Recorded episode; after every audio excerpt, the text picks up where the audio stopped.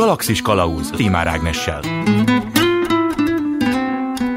Kellemes délutánt kívánok, ez itt a Galaxis Kalauz 238. epizódja a mikrofonnál Tímár Ágnes. Kubinyi Enikő etológussal a múlt héten megvitattuk, hogy valójában mit jelent az intelligencia a kutyák esetében, ugyanakkor a beszélgetést nem zártuk le, ma tehát sort kerítünk rá, hiszen egy specifikusabb témáról lesz szó. Az előző adásban azt is elmondta az etológus, hogy még a legkomiszabb kutyából is előcsalogathatjuk annak legjobb változatát a megfelelő neveléssel, kivéve persze, ha ösztönszintű cselekvésről van szó. Teszem azt, rá lehet szólni, hogy ne ugasson, ha csak a kiváltó ok nem az említett kivétel kategóriájába tartozik. Nos, áltathatom magam azzal, hogy a tévében feltűnő állatok láttán hangosan csaholó kutyám egy evolúciós ösztönnek engedelmeskedik, de valószínűleg nem. Így aztán marad a hiányos nevelés beismerése és a töprengés azon, hogy milyen csellel lehet eltéríteni szándékától. Egyelőre a csatornaváltás működik csak. Akkor meg lemaradok arról, hogy a film végén a jó ember legyőzi a rosszat. Szóval szóba jöhet még az űrutazás, hiszen az űrben még a kutyaugatás sem hallatszik, de mivel Mici még a villamoson is fél, ez sem opció. Hét és fél kiló maradhat. Ha már itt tartunk, Ómagyar kutyafajtákról neveztek el egy naprendszeren kívül felfedezett planétát és annak csillagát. Ezúttal 20 exobolygó rendszer kapott új nevet, amelyekért 91 ország 603 pályázata versengett egymással, köztük Magyarország. A 6P12 csillag, valamint a 6P12B planéta kapta a magyar csillagászok által javasolt Komondor, illetve Puli nevet. Úgy tűnik, ha tudományos körökben igyekszünk közölni a világgal, hogy magyarok vagyunk, kutyákat hívunk segítségül. Mert hogy nem ez az első alkalom. Első megálló. A vonában itt van velem Pacher Tibor, elméleti fizikus, a Pulispace Technologies vezetője és alapítója. Jó napot kívánok! Jó napot kívánok! Mi az exobolygó, és örüljünk -e ennek? Szerintem örüljünk ez első, mert mindig jó, hogyha magyar nevek jelennek meg a különböző katalógusokban, égi katalógusokban. Az exobolygók azok a bolygók, amelyek más napok, más csillagok körül keringenek. Ugye a mi központi csillagunk a nap, és e körül kering a nyolc bolygó, illetve hát sokan még azt gondolják, hogy kilenc, de a Plutót azt ugye lefokozták törpe bolygónak néhány évvel ezelőtt, tehát hivatalosan nyolc bolygó, egy pár törpe bolygó, meg kisbolygók, meg mindenféle más kering a nap körül, de a nap az egy csillag tulajdonképpen. Ez a sok csillag, amit látunk az égen, rengeteg körül fedeztek már fel bolygókat, és ezeket hívják exobolygóknak. Alapvetően az űrben előforduló kutyanevek miatt kerestem meg ön. Ugye a Puli Space-ben a Puli az természetesen a, a kutyára, és azon belül is a magyar kutyára utal, de hogyha így körül nézzünk az űrben, azért más kutyával is találkozunk most már. De ahogy az előbb említette a Plutó, természetesen az is eszembe jutott, de azt szerintem ez már csak Walt Disneynek köszönhetjük, és az nagyon messziről kapcsolódik a kutyához és a, az űrhöz. Szóval, hogy azon gondolkoztam, hogy Lajka kutyán kívül más nem tudok mondani, akinek bármi köze lenne. Önök is, meg hát ugye a pályázók is, a magyar csillagászok is kutyaneveket adtak be, mondván, hogy az ugye magyar, de hogy akkor akár lehetett volna gulyásleves is, tehát hogy mi, miért éppen kutya? Ez véletlen volt tényleg, amikor megalakultunk és nevet kerestünk, akkor igazából két szempontot tartottunk fontosnak. Az egyik az, hogy utaljon arra valóban, hogy magyar csapatról van szó, a másik pedig az, hogy ki lehessen mondani a világ más tájékain is. Ugye vannak nekünk olyan írásmódjaink, amit mások nem tudnak értelmezni így Nem tudom, mire helyből. gondol.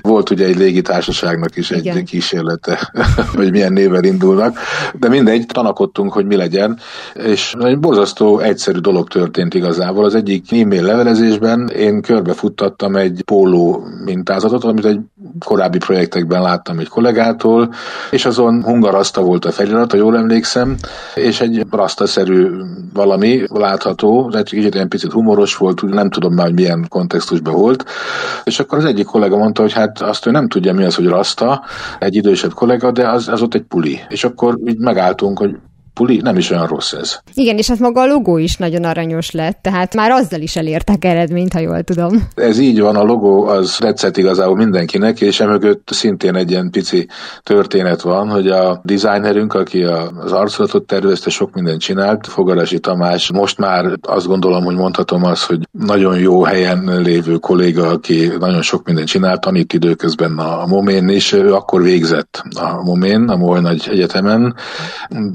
designerként, és nekik is volt akkor egy puliuk, tehát ő pontosan tudta, hogy egy puli az mit csinál és hogy viselkedik, és nyilván minket is ismert, és azt gondolom, hogy tényleg nagyon klasszul megalkotta a logót, ami egy picit benne van az, hogy egy ilyen űrhajószerű, másrészt ott van a puli teljesen eltéveszthetetlenül, és a, egy kacsintás is van az egészben. A magyar szem számára valóban egyértelmű, maga a puli fajta. Nem tudom, hogy önök milyen visszajelzést kapnak ezeken a, a versenyeken vagy találkozókon, hogy a pulit ezt mennyire kell megmagyarázni. El kell mondani valóban, tehát nyilván ez egy elég szelektív tudás a nagyvilágban, tehát a kutyabarátok tudják, de azért nem feltétlenül a többség. Tehát amikor szóba kerül, hogy hát ez honnan van ez a név, és amikor elmondom, hogy a puli az egy ősi magyar juhászkutya, és igazából azt gondoljuk, hogy nagyon sok mindenben hasonlítunk a, pulira a viselkedésben, vagy amit szeretnénk csinálni, igyekszünk mi is vidámak lenni, gyorsan reagálni, ugye a puli is azt mondják, hogy lényegében pillanatokon belül tud irányt váltani, tehát hogyha valahol más irányba kell menni, és akkor ezen általában jót derül neki, és akkor értik, hogy mi ez. Ráadásul van még egy aktualitása a beszélgetésünknek, nem csak ez az exobolygó és holdja, aminek ugye örülünk, ezt már tisztáztuk, hanem ez a kísérlet sorozat folyamatosan vannak ugye fejlődések, fejlesztések, és most is éppen ugye valaminek a kellős közepén vannak, és ráadásul arra is rájöttünk, hogy hát ugye a, puli az tökéletesen passzol még ehhez is. Így igaz, az eredeti célja a Pulinak abban a bizonyos Google Lunar X Prize versenyben való részvétel volt, ugye maga ez a verseny ez 18 elején hivatalosan is lezárult, de nagyon sok csapat folytatja a munkát, ami lényegében arról szól, hogy ugye a holdat fedezzük fel újra, és ne csak oda menjünk zászlót kitűzni, hanem egy, egy fenntartható, állandó jelenlétet hozzunk létre a holdon, és ennek nagyon-nagyon sok aspektusa van. És mi 2020-ban futottunk neki egy, egy konkrét projektnek szintén, ez is egy NASA verseny vagy kihívás volt, hogy egy miniaturizált eszközt kellett megtervezni, először csak ötletszinten, ami valami hasznos dolgot tud csinálni. Miniaturizálást pedig úgy kell érteni, hogy tényleg nagyon kicsi, ez egy 10x10x5 centis dobozka lehetett maximum, és nagyon kevés energiát szabadott fogyasztania, és nehéz se legyen. Tehát ezek voltak a feltételek, és akkor egy már létező ötletünket vettük elő, Lucsányi Dávid kollégáknak volt korábban egy ötlete, hogy CMOS szenzorokat, ezek képalkotó szenzorok, olyan, mint a laptopba, vagy a telefonba, vagy sok helyen, hogy ennek egy picit szofisztikáltabb változatát úgy módosítsunk, hogy ezzel tudjunk neutronokat detektálni. A neutron detektálás pedig, a neutron spektroszkópia az egyik alap dolog a vízjé kutatásában a Holdon. És ebbe vágtunk bele, és ebbe vagyunk benne most nyakig. Ez a bizonyos vízszimatolás, amit mondod? Pontosan ez a vízszimatoló így van, hiszen ugye ez a mérőeszköz, amit időközben repülésre alkalmas formában megcsináltunk, a NASA ezt díjazta is, finanszírozásban is segítette a megvalósítását, és most arra készülünk, hogy két ilyen, úgy neveztük el, hogy egy vízszimatoló, ugye angolul Lunar Water Snooper, mert hát hogyha már kutya, akkor szimatoljon egy kicsit, és hát mit keresünk? Vizet, úgyhogy itt a vízszimatoló, ez általában tetszik a kollégáknak külföldön is és most készülünk valóban a holdra. Hol tart most ez a szimatoló? Olyan értelemben, hogy készen vagyunk, hogy repülésre alkalmas több példányt legyártottunk, és ezek fizikailag léteznek, teszteljük őket, tanuljuk a viselkedésüket. Kettő darab pedig egyik már beszerelésre került egy holdjáróra, egy olyan puli nagyságú holdjáróra, sajnos még nem a miénk, ez egy kolorádói cég készíti ezt a holdjárót, és ezen lesz egy vízszimatoló, illetve készül egy, mi szöcskének szoktuk hívni, ez egy hopper, a eredeti angolban,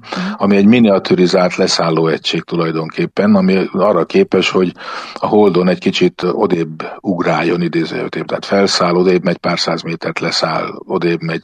Ez azért érdekes, ugye, mert a Holdon repülni csak így lehet, mert hogy nincs levegő, tehát nem tudunk helikopterrel dolgozni, mint például a Marson, vagy repülőgéppel, és ez, ez egy olyan lehetőség, hogy olyan helyekre jussunk el, ahova per pillanat más nem nagyon tud eljutni, és ezért a, a NASA egy ilyen kísérletet is végrehajt, és ezen a szöcskén is lesz egy vízszimatoló. Ez a kettő eszköz ugyanazon a leszálló egységen fog elindulni, valószínűleg jövő év elején, és a Hold déli sarkvidékére megyünk, és ott keresünk jeleket arra, hogy van-e víz, pontosabban hidrogén, illetve vízjég. Nagyon szépen köszönöm Pakher Tibor elméleti fizikusnak, a Puli Space Technologies vezetőjének és alapítójának, hogy beszélgetett velem. Köszönöm szépen. Én is köszönöm. A végtelenbe és tovább. Vagyis most már a naprendszerünkön kívül is van egy pulink, igen. Kicsit messze van, kicsit talán élhetetlen, de a miénk. A puli, mármint a kutyafajta néhány jellegzetességét Pakher Tibor is kiemelte, büszkén arra, hogy ezek jellemzőek a csapatukra is. Ahogy hallhatták, a jó terelő képességet nem sorolta ide, gondoljuk csak el, ahogy rendet tesz odafen aztán az exobolygókat beterelni a mi naprendszerünkbe, akkor már nem is lennének exobolygók. Kérem, a csillagászok és fizikusok most kevéssé forgassák a szemüket, és halkabban csapjanak a homlokukra. Én olyan Terry Gilliam féle animációban gondolkodtam az imént. Ha már a szóra sem érdemes képtelenségeknél tartunk, ideje tisztázni, hogy a puli tök jól lát a rasztáitól. Sőt, ami egy elég általános tévhit, hogyha a puli szeme elől levágjuk a fürtöket, akkor megvakul. Hát nem igaz. Ahogy az sem, hogyha egyáltalán lenyírjuk, akkor nem nő vissza a jellegzetes bundája. Az én kutyám.hu-n olvasható, hogy valóban az új szőrzet puhább lesz, de egy éven belül újra jellegzetes zsinóros formába rendeződik. A magyarokkal egyes vélemények szerint valamikor ázsiai vándorlásuk közben ismerkedtek meg a pulik, és a Kárpát-medencébe már együtt érkeztek, ahol a jellegzetes külsejű ebb hamar munkába állt a juhászok társaként. Az említett ember és kutya közötti kölcsönösséget a különböző korokban persze másképp értelmezik. A kezdeti időkben jellemző együtt dolgozás érzelemmentesebb kapcsolatot feltételez, míg napjainkban sok kutyást azzal vádolnak, hol jogosan, hol nem, hogy társat vagy gyereket pótol négylábú barátjával. Az utóbbi felismerések szerint azonban már önmagában az a jelenség is káros lehet, hogy a gazdi embernek tekinti kutyáját, aki beleülteti a hintába a kutyát, csak hogy vicces videót tehessen ki róla valamelyik közösségi oldalra, annak nincsen gazdi identitása. Aki befesti, vagy szerinte viccesen nyír formát kutyája szőrébe, ugyancsak a közösségi téren való jófejkedés céljával, annak sincs gazdi identitása, és még sorolhatnánk. A túlzott figyelem vágyja viszont esetfüggő. A Washington Post egy korábbi cikkében foglalkozik azzal, hogy Japánban kisebbségnek számít a kutyatartók köre, életüket pedig nem igazán könnyítik meg. Tokióban a kutyás gazdiknak nagyon nehéz lakást bérelni, vagy a kutyával a tömegközlekedést használni, írja Simon Denier, aki személyes tapasztalatait foglalta össze a cikkében. A nem kutyás közösség tehát elég elutasító, aki viszont kutyás, az nagyon az. A sajnos világszerte tapasztalható kutyatartás módjának általánosságáról is ír. Itt a kutyák ruhában, ékszerrel, kiegészítőkkel, frissen kozmetikázva lépnek csak ki a házból, ami viszont itthon már kevésbé tapasztalható, hogy mivel ez a kulturális elvárás és a gazdik tekintettel vannak azon embertársaikra, akik nem kedvelik a kutyákat, nagyon is felelősen járnak el minden kutyával kapcsolatos teendő esetében. Erre konkrét példákat is hoz. A gazdik Tokióban mindig felszedik a kutyapiszkot, és sokan hordanak magukkal egy flakon vizet, hogy ahova ürített az ebb, még le is öblítsék. És mivel a szemetesek nagy részét leszerelték Japánban az 1995-ös szaringázas támadás után, a kutyásoknak haza kell vinniük, és a WC-ben lehúzni kis kedvencük ürülékét. A japán kutyások kitaláltak egy megoldást, hogy ne kelljen a nejlonon is átszivárgó szaggal együtt utazniuk hazáig. Az autó külsejére mágnes segítségével rögzítik a gyűjtőzacskót és tartalmát. Cikkében Simon Daniel viccesen azt is megjegyzi, hogy Ziggy nevű kutyája kifejezetten jól érzi magát annál a jellemzően kisebb kutyák között, csupán azért szomorkodhat, hogy korlátozott az ismerkedési lehetőség, mivel japán társai nadrágot hordanak. A kutyák számára a szagmintavétel a jól informáltsághoz kell. Általa előbb és többet tudhatnak meg a világról, mint gazdáik.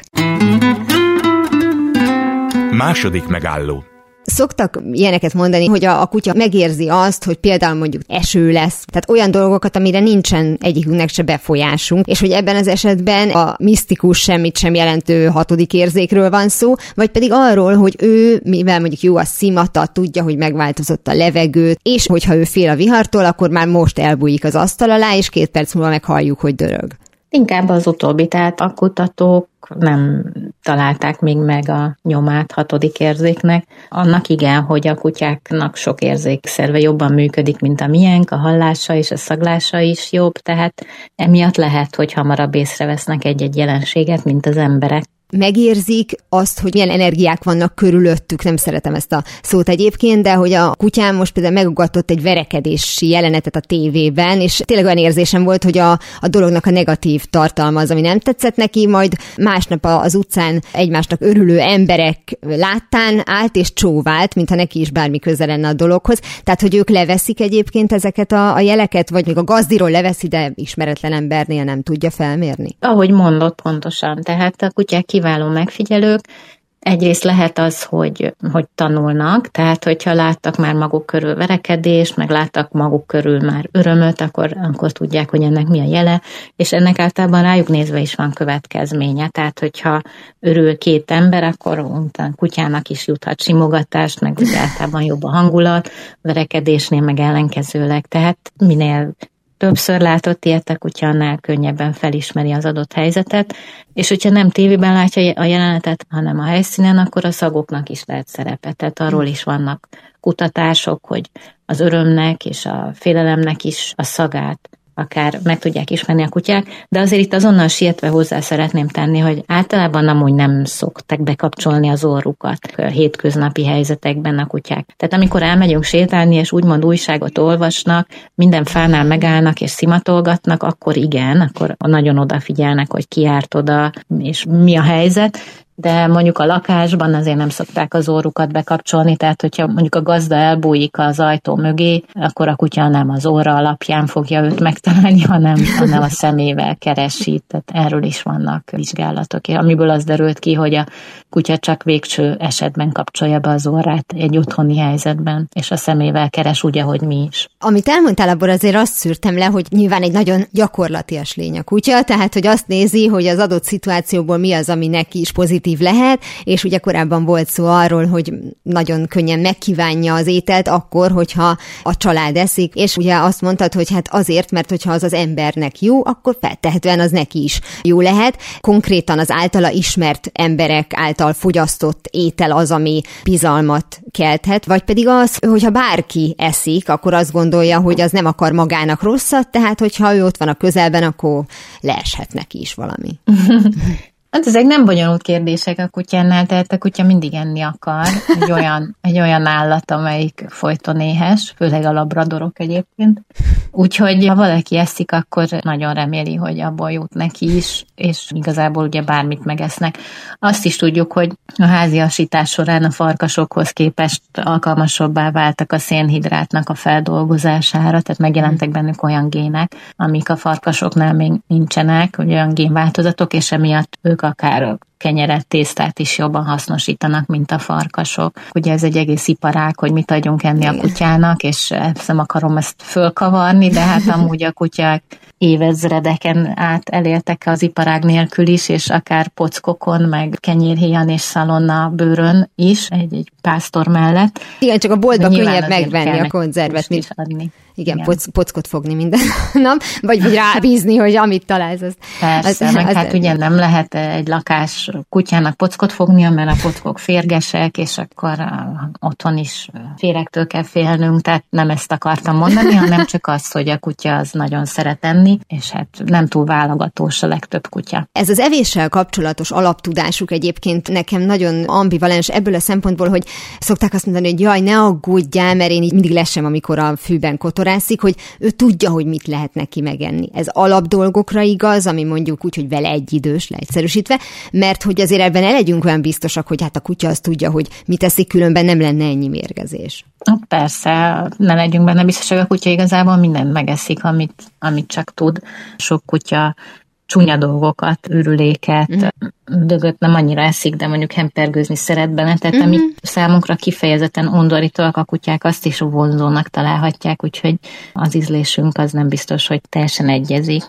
Igen, igen, ezzel visszakanyarodunk az alapkérdéshez, hogy miért árulnak mondjuk olyan konzervet, ami nem tudom, lazacos és brokkoli habos, és nem tudom, mert persze, mert a gazdinak kell eladni. Nem, ne áruljanak. Igen. igen, persze, tehát hogy a, mert a, kutya, a kutyának mindegy csak hús legyen, és esetleg ízesíthetik egy kis földi gilisztával, ő annak is örülne. Tényleg minden gazdi tudhatja, hogy teljesen mindegy, hogy evés után mennek le sétálni, hogyha egy penészes kenyércsücsköt talál, azt is meg akarja enni. Ez a tudás viszont nincs benne, hogy az káros, hogyha ő olyan szinten eszi túl magát, hogy az megterheli a szervezetét, hogy amíg ő maga előtt lát ételt, addig eszik. Hát ez nincs benne, mégpedig azért, mert hogy ez egy ragadozó állat volt eredetileg, és ragadozni nagyon nehéz, főleg ugye a nagypatás állatokat, amik elsődleges zsákmányt jelentenek, de egy nyulat és egy pockot is nehéz elkapni, úgyhogy igazából a farkasoknál életveszélyes maga a vadászat, tehát rengeteg az elhullása miatt, mert vadászat közben mondjuk a patás állat fejbe rúgja, és sokszor nincs is elég élelem. Úgyhogy az evolúciós kényszerek abba az irányba vitték el ezt a fajt, hogy ha van étel, akkor addig egyen, amíg bír, amíg ki nem pukkad. Ráadásul ugye a kutyák azt hozzák a farkasoktól, ugye mondjuk a farkas család leterít egy 200 kilós patás állatot, degeszre eszik magukat, és ha van kölyök az oduban, akkor gyomrukban viszik neki haza az eledel, tehát elé okádják, kiürítik a gyomrukat a kölykök számára. Tehát már csak azért is sokat esznek, mert így nevelik föl a az utódokat.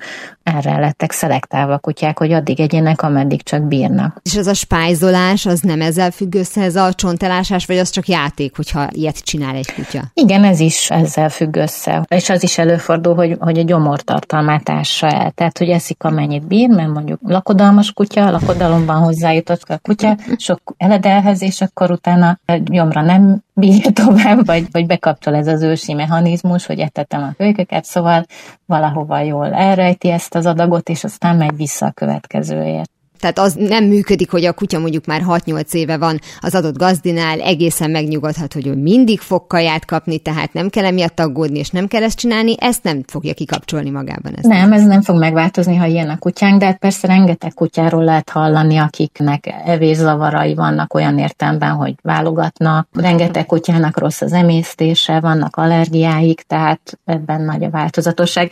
Igazából ugye rengeteg kutya van, majdnem egy milliárd, a Földön sok betegséggel, genetikai problémával, amiatt mert sok kutya beltenyésztett, és egy-egy betegség így elszaporodhatott, szóval mindenféle előfordulhat, de egy egészséges, normális, átlagos kutya az addig eszik, ameddig bír, és úgy nagyjából bármit megeszik tehát a lehetőség szerint akkor ne hagyjuk ott neki reggel a reggelit és az ebédet és a vacsorát, mert nem fogja beosztani. Úgyhogy, de, hát ez egy... nem. de mindig, tudod, ilyenkor hozzá kell tenni, hogy természetesen a hallgatók kutyái kivételek.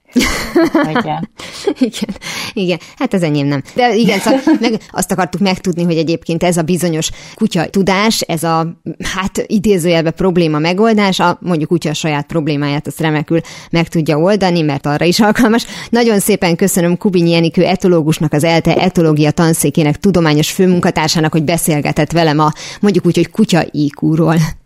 Én is nagyon szépen köszönöm. Toto, azt hiszem már nem Kenzeszben vagyunk. Az interjúban említett kutyafalánkság vélhetően hamar jól ismert jelenség lett az ember számára, nem véletlenül jelennek meg még klasszikus festményen is az ebek evés közben, ahogy ma is kedvelt témája a képeknek bármely házi állatunk, sőt, ma már több helyről is rendelhetünk olyan portrét, amelyen kedvencünk emberi szituációban, akár emberi ruhában látható. A gazdi maga választhatja ki, hogy kutyája ezredesi rangot kapjon, vagy kanária úridáma legyen egy letűnt korból. Az ötlet bár adja magát, talán Michael Thomas képei nyomán született. A kortárs festő eredetileg könyvillusztrátor volt, ma már szürrealista, emberi környezetben és viseletben megfestett állatportréiról ismert. Egy agár cilinderben, nyuszi kánkáruhában, vagy egy délutáni öltönyös róka pipázva. Thomas elődei szintén előszeretettel humanizálták képeiken az állatokat. Cassius Marcellus Coolidge a 19. és 20. század fordulóján 16 olajfestményt készített pókerező kutyákról. Gondolom hiánypótló művek voltak, de érdekes módon az utóbbi időben felkúszott az áruk, szóval ki vagyok én, hogy megpróbáljak összehasonlítani egy kártyázó kutyát egy gombolyagos cicával. Az emberi jegyekkel felruházott állatok igen szofisztikált változatát mutatta be könyveiben Beatrix Potter, meseíró és illusztrátor. Potter ugyanis realisztikusan ábrázolta a környezetet, sőt magukat az állatokat is, csupán adott nekik néhány apró kiegészítőt, amivel kontextusba helyezte őket. Lehetett az egy cilinder, egy kötött kendő, vagy egy kis kék kabát, amilyen Nyúl Péteré. Az említett művészekben nem csak az állatok humanizálása a közös vonás, hanem az is, hogy a viktoriánus korban alkottak. Michael Thomas ezért helyezte portréi alanyait a 19. századba. Nem kell persze lornyon egy békára, hogy különleges legyen általa egy festmény. Egy kis szünet után a szép művészetben megjelenő állatábrázolás evolúcióját vizsgáljuk a Galaxis Kalauzban. Galaxis Kalauz ez itt továbbra is a Galaxis Kalauzén Tímár Ágnes vagyok. A műsor első felében voltak spájzoló kutyák, kánkáruhás nyulak, és nem utolsó sorban egy exobolygó és csillaga, amely mostantól a Komondor, illetve a Puli nevet viseli. A folytatásban arra keressük a választ, miként változott meg az állatábrázolás a szép művészetben.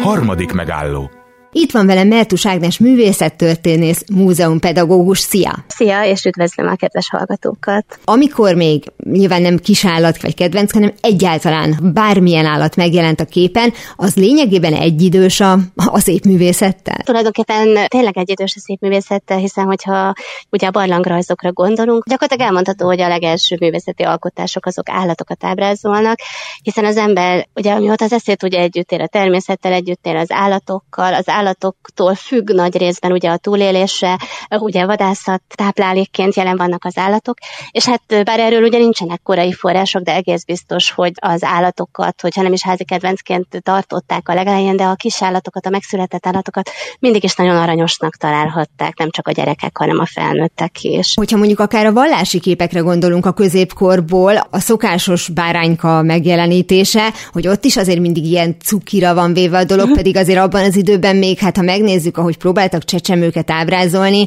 az inkább az ijesztő kategóriába tartozott. Ez így van. A középkorban ugye a művészet azért eléggé erősen absztrakt jellegű. Állatok igazából a középkorban legelőször ugye különböző ilyen épületrészekként jelennek meg, bestiáriumokban ilyen egészen fantasztikus állatokat leíró, kvázi tudományos művekben láthatunk állatokat. Azonban ami a legizgalmasabb ezekben, hogy ezeken az állatok köszönő viszonyban nincsenek a valósággal. És nem csak azok az állatok, mint az elefánt, amelyekről kihagynak néhány testrészt, mondjuk nincsen füle, vagy egészen bizarr módon elképzelt vízilovakat, ami félig hal, félig ló, hanem a mindenki által ismert állatok is nagyon furcsán jelennek meg. Gondolok itt én például a sündisznóra, amit általában nem szoktak felismerni, mert úgy néz ki, mintha bárány lenne. Sevilla Izidor leírja, hogy a sündisznó az általában ugye felmászik a különböző szőlőtőkékre, ott belehemperek, felszúrja a tüskéire a szőlőszemeket, és azt viszi a kicsinyeinek. Tehát gyakorlatilag folyamatosan úgy ábrázolják a sündisznókat, hogy rajta van minden egyes tüskéjén egy alma vagy egy szőlőszem, de ezen kívül az állatok mondjuk realisztikusabb módon a különböző oltárképekkel attribútumként jelennek meg. A kutya az több szentnek is az attribútuma. Az egyik az mondjuk Szent Rókus, akit egy kutya etetett, miközben önkéntes karanténban elmenekülve ugye a járvány elől hosszabb időt töltött egy magában. A másik pedig Szent Donnino, akit kevesebben ismernek, és aki mellett azért szokott kutya állni, mert ő a veszettség ellen védőszent. És néha a donátorok az adományozók mellett is előfordulnak kutyák. Tehát kutyát ugye nagyon-nagyon sok ember tartott, de keresztelő Szent Jánosnál mondjuk a bárány is megjelenhet, és nagyon bájos formában például. A középkorban nyilván nem nagyon láttak elefántot, tehát mindig felmerül a kérdés, hogy amikor például mesztelen nőt ábrázolnak, akkor vajon hány darab mesztelen nőt látott a festő, vagy pedig tényleg az volt a szándéka, hogy ilyenre fessett, illetve hogy ez a bizonyos abstrakció, ez mennyire volt? Hát szándékos, miközben közben egyértelműen annak szoktuk betudni a középkori festészetnek a, hát mondjuk furcsaságát, vagy, vagy hiányosságait, hogy még nem voltak bizonyos tudásoknak a, a birtokában. Hát igen, igen, az ad igazából zavarba ejtő, ugye nem csak azok az állatok néznek ki valószerűtlenül, amelyet biztos, hogy nem láttak, hanem azok az állatok is teljesen bizarr módon tűnnek fel, amelyeket ők ugye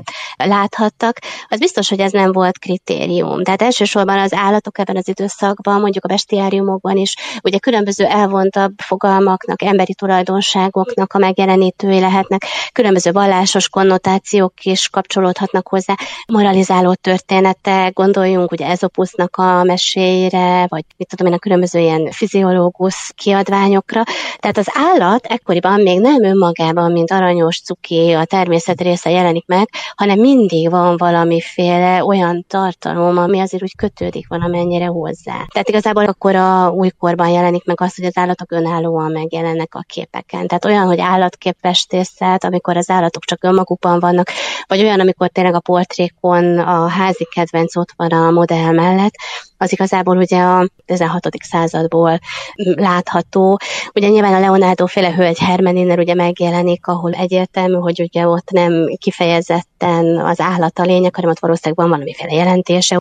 De később a gyerekeket ábrázoló képeken ugye különböző kutyák jelennek, meg papagájok jelennek, meg tengeri malacok nagyon sok képen ott vannak, és ez egy kicsit a világnak a kinyílását, a globalizációt, illetőleg az arisztokrácia tagjainak a külföldről beáramló javak javakat és beszerezni képes gazdasági erejét is mutatja egyszer mint. Tehát ez azért ugye nagyon nagy különbség, hogy ugye kutyája, macskája azért alapvetően bárkinek lehet, de azért exotikus állatokkal, kis majmokkal, azért a szegényebb néprétegek egész biztos, hogy nem rendelkezhettek. Ezek között az állatok között ugye egyrészt ugye nagyon gyakoriak a madarak. Főleg a papagájok azok, amiket ugye egészen korábban már India felől is behoztak. Azt is tudjuk, hogy a pápai udvarban is éltek madarak, sőt még kakaduk is, amelyek egyébként Ausztrália környékéről származnak, és ez az, ami nagyon izgalmas, hogy ez azt mutatja, hogy a kereskedelmi kapcsolatok, ha direkt módon nem is jutottak el a kelet-ázsiai szigetvilágba az utazók, azért áttételesen ezek a madarak is azért eljutottak Európába. Tehát ehhez persze az is szükséges, hogy nagyon ellenálló, nagyon sokáig élő madarak voltak, tehát 60-80 évig is elél egy kakadó, tehát hogyha tojásként vagy fiókaként elindul, akkor akár több tulajdonoson keresztül szárazföldi úton is eljuthatott Európába. Amikor ugye Amerikát felfedezi Kolumbusz, egyre másra jönnek be ezek a nagy testű arapapagályok. Dürerről is például úgy tudjuk, hogy volt két papagája hiszen neki az Ádámot és Évát ábrázoló metszetén ott van a papagáj, tehát a művelte művészeket nagyon érdekelték az új felfedezések, a különböző import állatok, a madártollak, és Ezeket, amikor lehetett be is illesztették tulajdonképpen a festményekbe. Általában a papagájok azok mindig jó jelentésben jelennek meg, tehát a gonoszszal szemben az Istenhez közel álló pozitív élőlények. Másik madár, aminek nagyon bizarr ábrázolása van a kora újkorban, az a paradicsom-madár. Ez szintén ugye Dél-Kelet-Ázsiából származik, és ami a legmeglepőbb, hogy a madarak a festmények egy részén láb nélkül jelennek meg. Tehát a Szépművészeti Múzeumban is van egy Bröge festmény, ugye az állatok sereglete, a témája tulajdonképpen a képnek, a háttérben Noé bárkájának a bepakolása folyik, és a festményen egy paradicsommadár repül, de úgy néz ki, mint egy rakéta. Tehát se szárnya, se lába nincsen, ugyanis a koraújkorban nagyon sokszor ezek a madarak kitömött állapotba jutottak csak el Európába, és sokszor nem volt meg a lábuk. És ezért oh. olyan hiedelem kapott szárnyra miután szárnyú sem volt képeken, hogy ezek a madarak, ezek olyan csodálatos, tiszta isteni lények, hogy ezek egész életüket a levegőben töltik, soha nem szállnak le, ott szaporodnak, és ugye Istenhez egészen közel vannak.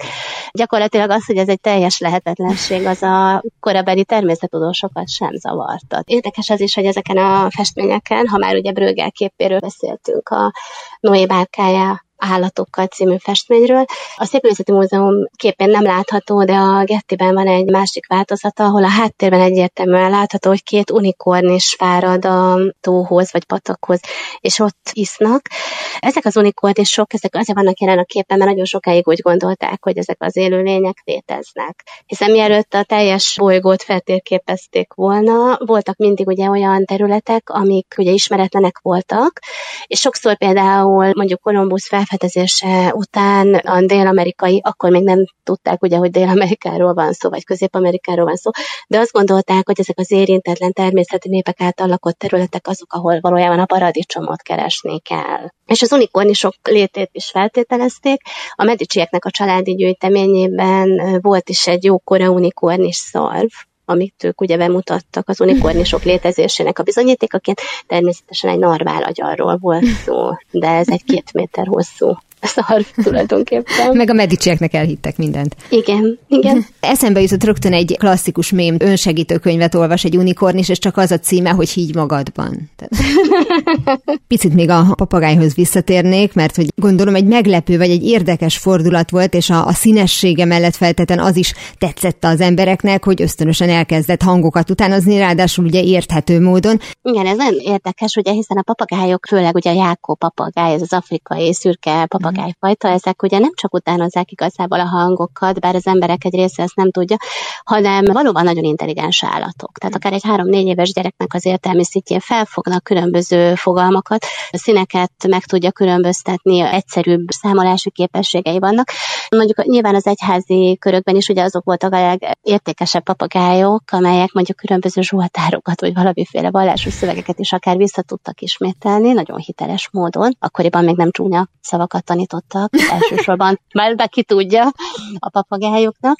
A holland festményeken is sokszor ott vannak a nők mellett ezek a papagájok, etetik őket, lehet, hogy kalitkába ábrázolják őket, akkor az az erényes életre utal, hogyha kirepül egy madár a kalitkából, az a szexuális szabadosságra utalhat adott esetben. Egyébként a madarak még nálunk is színesebben látják a világot. Az embernek ugye összesen három ilyen színérzékelő csapocska van a szemében, a madaraknak viszont négy.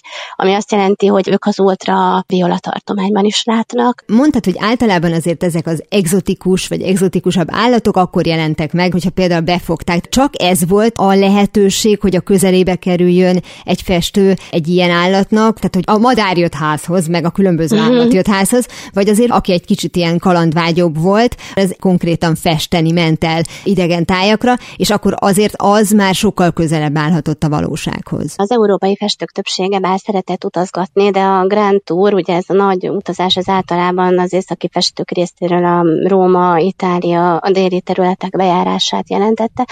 Tehát mondjuk a 17. századi Hollandiában, ahol ugye kialakulnak ezek az állatképek, specializálódnak a festők különböző műfajokra, nagyon-nagyon kevés festőnek adatot meg az azért, hogy tengeren túlra eljusson. Nyilván ugye a problémát az főleg a vadállatok jelentették, hiszen ugye Jan Brügge, Rubens is festett oroszlánokat, sokan mások, és az oroszlánoknak a megfestése sokszor nem igazán valószerű, hiszen ezek az állatok ugye mozgás közben nehezen figyelhetőek meg azért közelről, és azért a fényképezés felfedezés előtt azért egészen bizarr oroszlán arckifejezéseket vagy mozdulatokat láthatunk emiatt.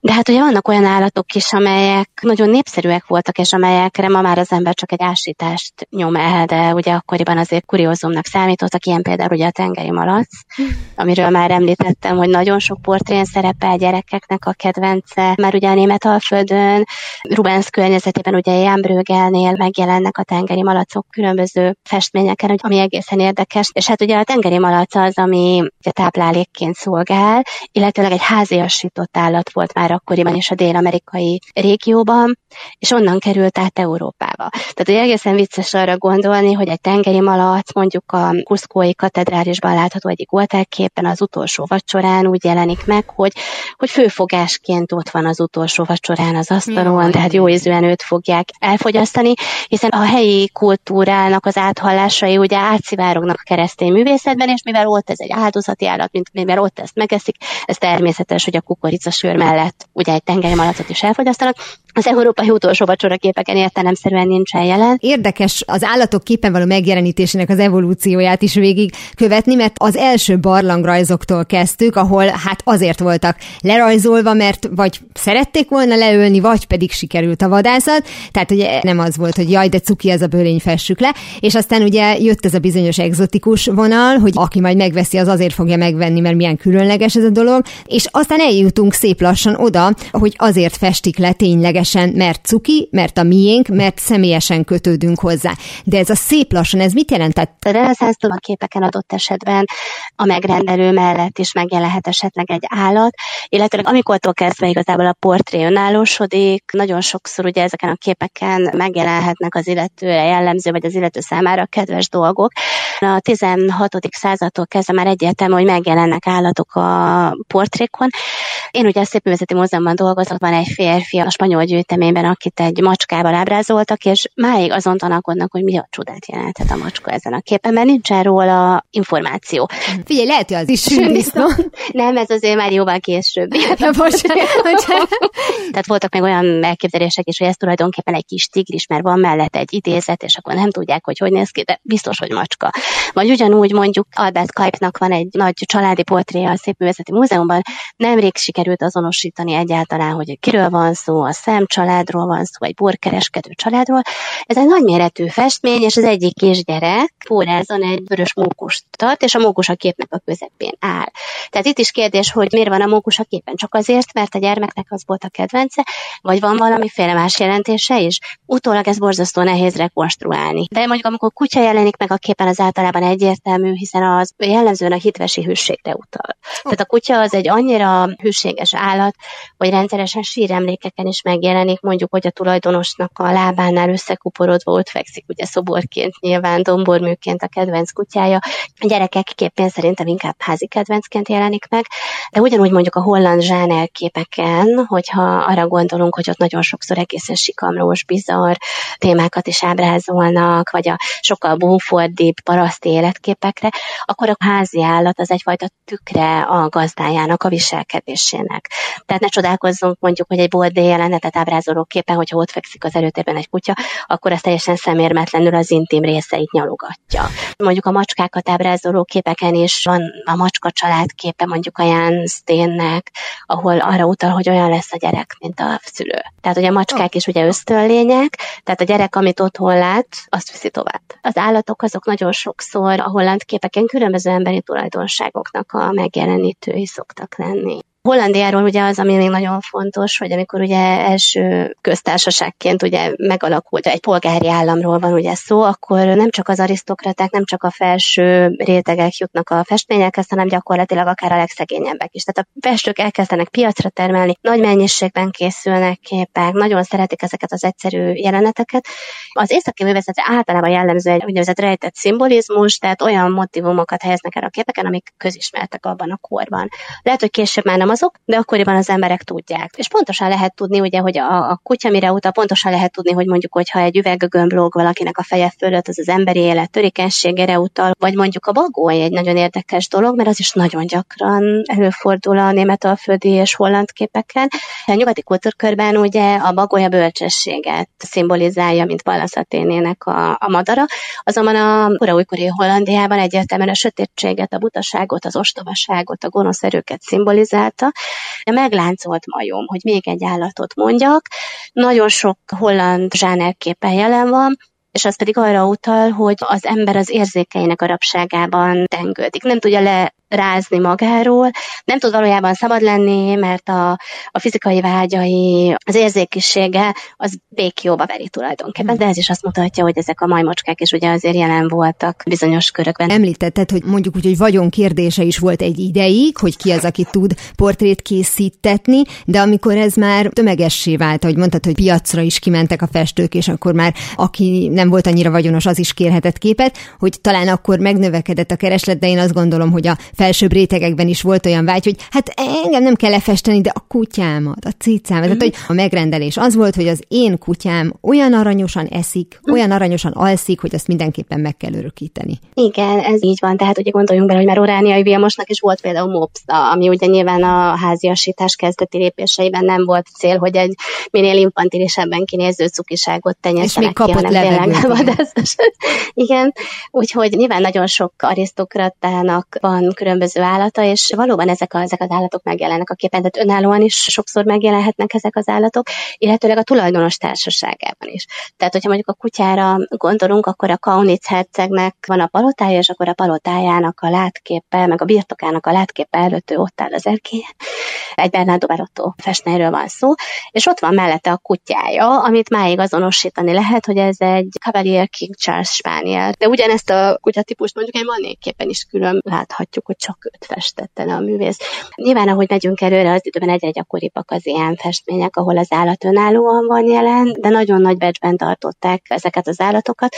Alapvetően ugye van a műfajoknak egy hierarchiája, ugye az akadémikus felfogás szerint, melyek szerint a történelmi képek kérik a legtöbbet, aztán jönnek a portrék, aztán jönnek a zsáner képek, az életképek, aztán jönnek az állatos képek, aztán a tájképek, és a hierarchia alján vannak a csendéletek. Itt ugye lehet látni, hogy gyakorlatilag, hogy minél élőbb, minél kvázi lélekkel bíróbb egy dolog, annál magasabb szintet foglal el ebben a hierarchiában. És tényleg egy idő után a specializálódó festők között nagyon sok kizárólag állatképestésre specializálódott festő is volt csoportképeket is festhettek az állatokról, illetőleg a kedvenc állatokat is, akár külön is megfestették, hogyha erre igény volt. Hogyha mondjuk nem csak állatok vannak a képen, hanem azoknak mondjuk a gazdáik is, akkor például az etetés, az evés, az kifejez valamit? Itt elsősorban ugye az állat és az ember közötti kapcsolatot mutatja be ez a kép. Tehát az, hogy ezek az állatok, azért, ezek ugye tényleg társként vannak már ilyen az embereknek az életében. Tehát ugye a haszonállat témától eltávolodva, ezek az állatok ugye már gyakorlati haszonnal sokszor nem rendelkeznek azon kívül, hogy aranyosak, azon kívül, hogy társaságot jelentenek az ember számára, és ez a fajta intim viszony, ami akár két ember között is megjelenhet, ez ugye megjelenik ezeken a képeken. Sokszor a gyerekeket tetik, tehát nagyon sokszor ilyen papagájoknak és állatok megjelennek, és akkor ez a fajta kapcsolat, tehát hogy a gyerek a bárányával, a, a mit tudom, kisnyulával, tehát a, az adott házi kedvencével, meg az állat és a gyerek együtt, az ugye ugyanúgy, mint ma is azért nagyon... Mindent visz. Nagyon nagyon népszerű volt.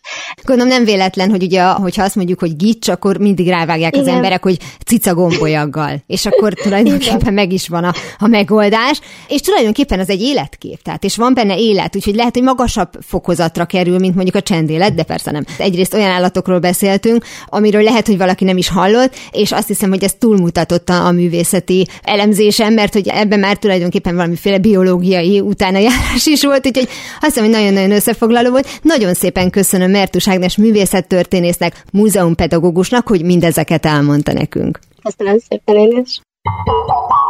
Ha a számításaim helytállóak, amikor eléri a 88 mérföldes sebességet, csodát fogsz látni, fiú! Az sem ritka, ha a személyes kötődés festő és múzsája között van. Picasso híres tacskó rajzát, amely egy vonalból áll és tökéletesen visszaadja a kutya formáját, Lamp nevű daxliáról mintázta. A festő igazi kutyabarát volt, több kutyája is volt, de Lamp állt hozzá a legközelebb. Egyszer azt mondta róla, ő nem kutya, nem egy kis ember, ő valaki más. Lamp 17 évig élt, Picasso 10 nappal utána hunyt el. Andy Warholnak két tacsia volt, és mindkettőt többször meg is jelenítette alkotásain. A legkülönbözőbb műfajokban jelennek meg a művészek kedvencei. Charles Schulz például Snoopy-t saját gyerekkori kutyájáról, Spike-ról mintázta. Frida Kahlo természet szeretete nagyban meghatározta művészetét. Otthonát lovakkal, őzekkel, papagájokkal osztotta meg, és nem mellesleg kutyákkal. Kedvencei a mexikói mesztelen kutyái voltak. Egyiküket meg is örökítette egy közös portrén 1938-ban. Mára ennyi volt a Galaxis Kalauz, jövő héten ugyanekkor találkozunk. Hamarosan archívumunkból visszahallgathatják a mai adást is, valamint most már podcast formában is elérhető a műsor. A Rádió és a Galaxis Kalauz Facebook oldalán további érdekességeket találnak, illetve ha még nem tették, iratkozzanak fel YouTube csatornánkra. Köszöni a figyelmüket a szerkesztő műsorvezető Tímár Ágnes. Viszont hallásra! Viszlát, és kösz a halakat! Ez volt a Galaxis Kalauz. Timár Ágnes műsorát hallották.